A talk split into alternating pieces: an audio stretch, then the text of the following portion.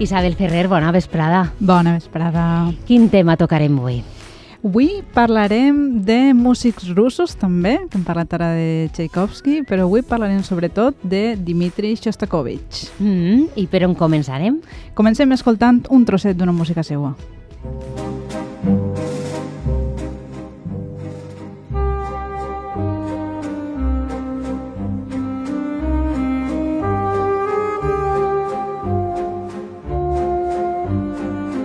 Peça molt coneguda per a començar la secció. Sí, esta peça s'anomena el vals número 2 i està inclòs en la suite de jazz del, del compositor, de Shostakovich.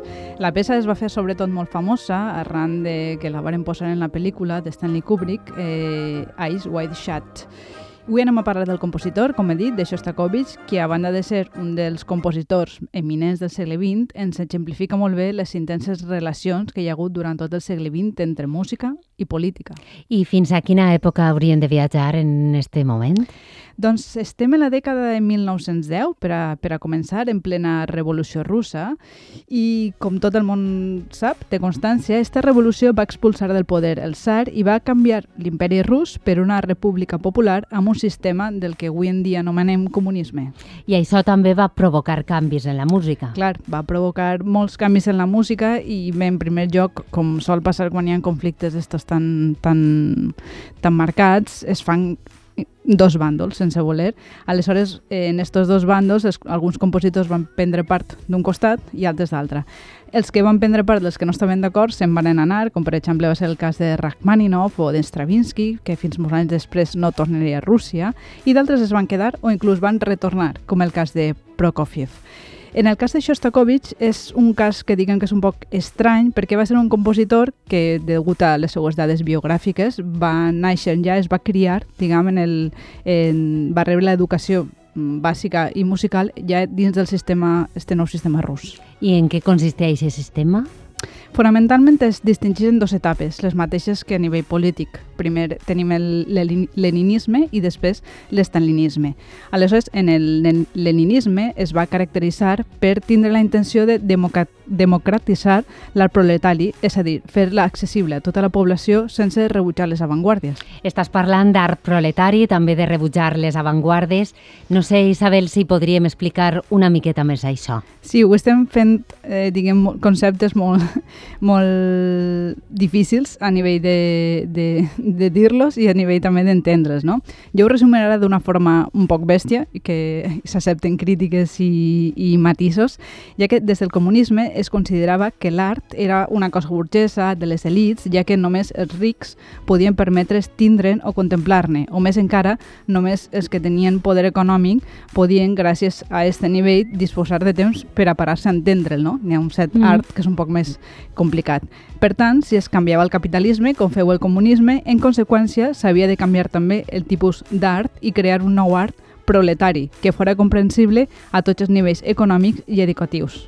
En resum, fer-lo més democràtic, per dir-ho així. És a dir, que els dirigents de l'URSS el que es van proposar eh, era fer un nou art proletari i que fora accessible d'aquesta manera a tot el món.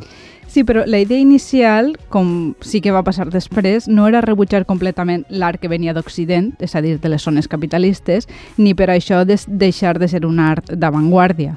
Havia de ser un art revolucionari. Posaré un exemple.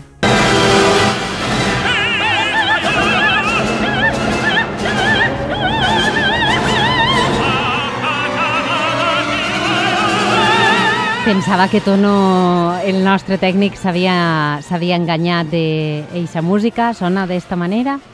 Eh, a, veure, a veure, això és Shostakovich, que l'escoltarem després, i realment això va crear un problema, però ja en època estalinista. En aquesta època, encara, eh, el que es buscava era un art sí, que intentava um, ser d'avantguarda, però al mateix temps um, tractar d'innovar. Aleshores, per exemple, van existir una peça que s'anomena La Sinfonia de les Sirenes, a veure si la podem escoltar després, que és una composició escrita per al cinquè aniversari de la Revolució Russa a la ciutat portuària de Baku, que està en Azerbaijan, i el seu autor és Arseni Abramov. Esta obra, atenció, estava escrita per a dos, dos bateries d'artilleria, reg regiments d'infanteria, sirenes, hidroavions, locomotores, cors, botzines afinades a vapor i, a més, al mateix temps s'incloïen els cors cantant la Internacional i la Marsellesa. Clar, no mm -hmm. podia ser d'una altra forma. Uh, I al mateix temps hi havia un, un equip que dirigia amb banderes, pistoles, va ser tot un esdeveniment. I en tenim més exemples? Sí, en tenim un altre exemple que és el que és més conegut d'esta època revolucionària, que es diu La fundició d'acer de Mosolov del 1926, en la qual és reproduïda quasi literalment els sorolls d'esta feina a la fàbrica. Ah,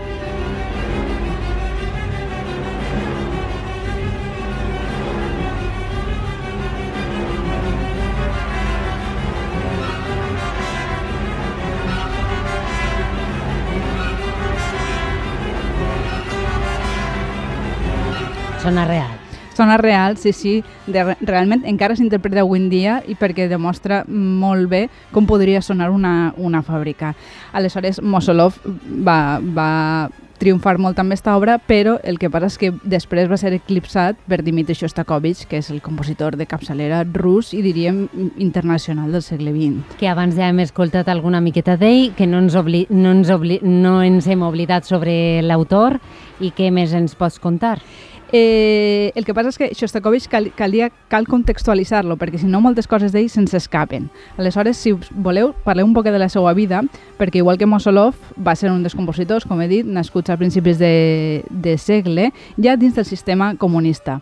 Aleshores, la seva música al principi de la mateixa forma que altres, era una barreja entre la tradició europea de fer música i les innovacions russes d'avantguàrdia, com les que estem sentint, per exemple, en l'obra de Mosolov. Si voleu també, a tall d'exemple, escoltem la primera sinfonia, una de les obres quan era molt jovenet, que va escriure Shostakovich.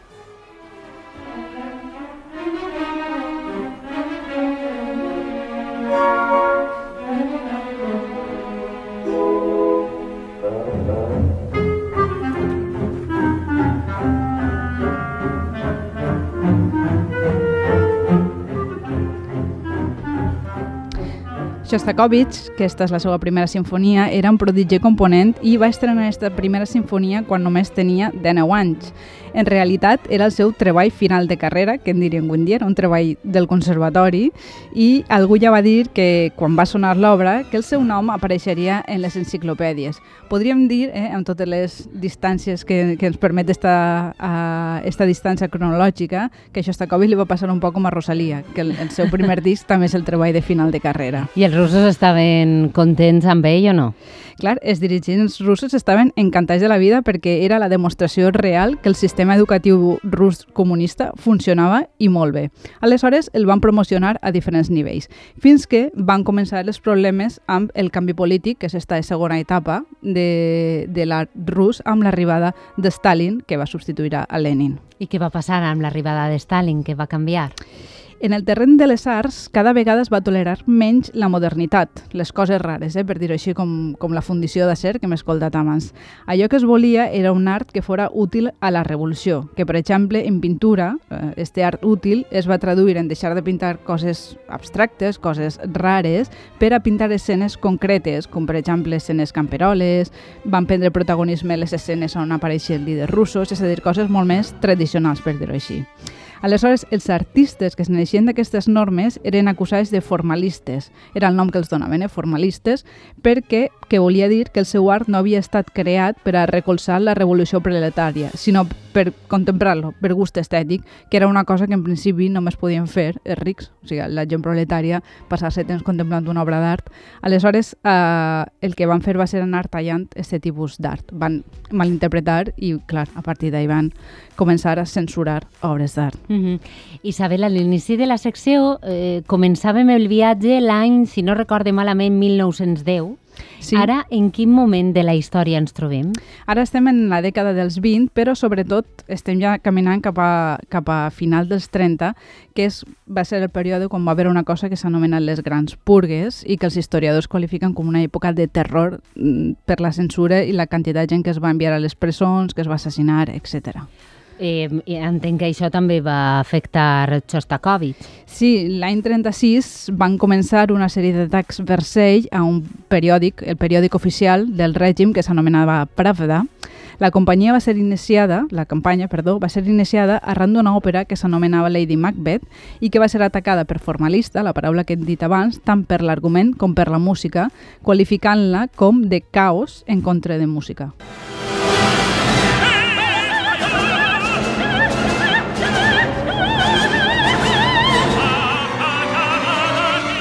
I què està passant eh, en escena quan sona això?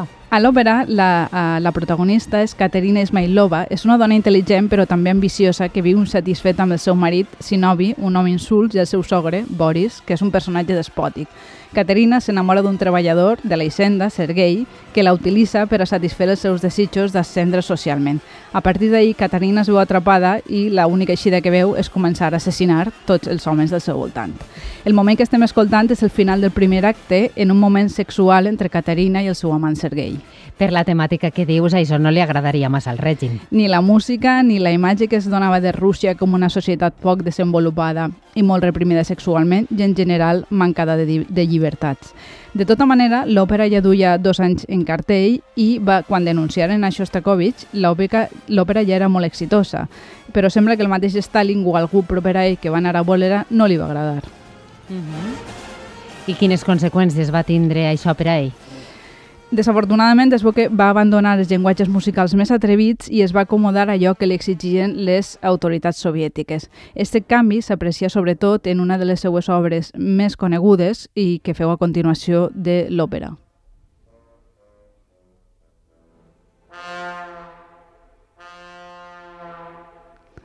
Estem escoltant, curiosament, els glissandos del trombó que se van ser eh, qualificats de, mm, crec que és una cosa com pornosonia, sí, per els crítics de l'època, sobretot els americans, i hi ha trombonistes que diuen que els crea com vergonya fins i tot tocar-ho perquè saben que té a veure amb, amb este moment de l'òpera, que és un poc més delicat. Si teniu oportunitat, busqueu la cinquena sinfonia en internet, que és esta que sona ara mateix,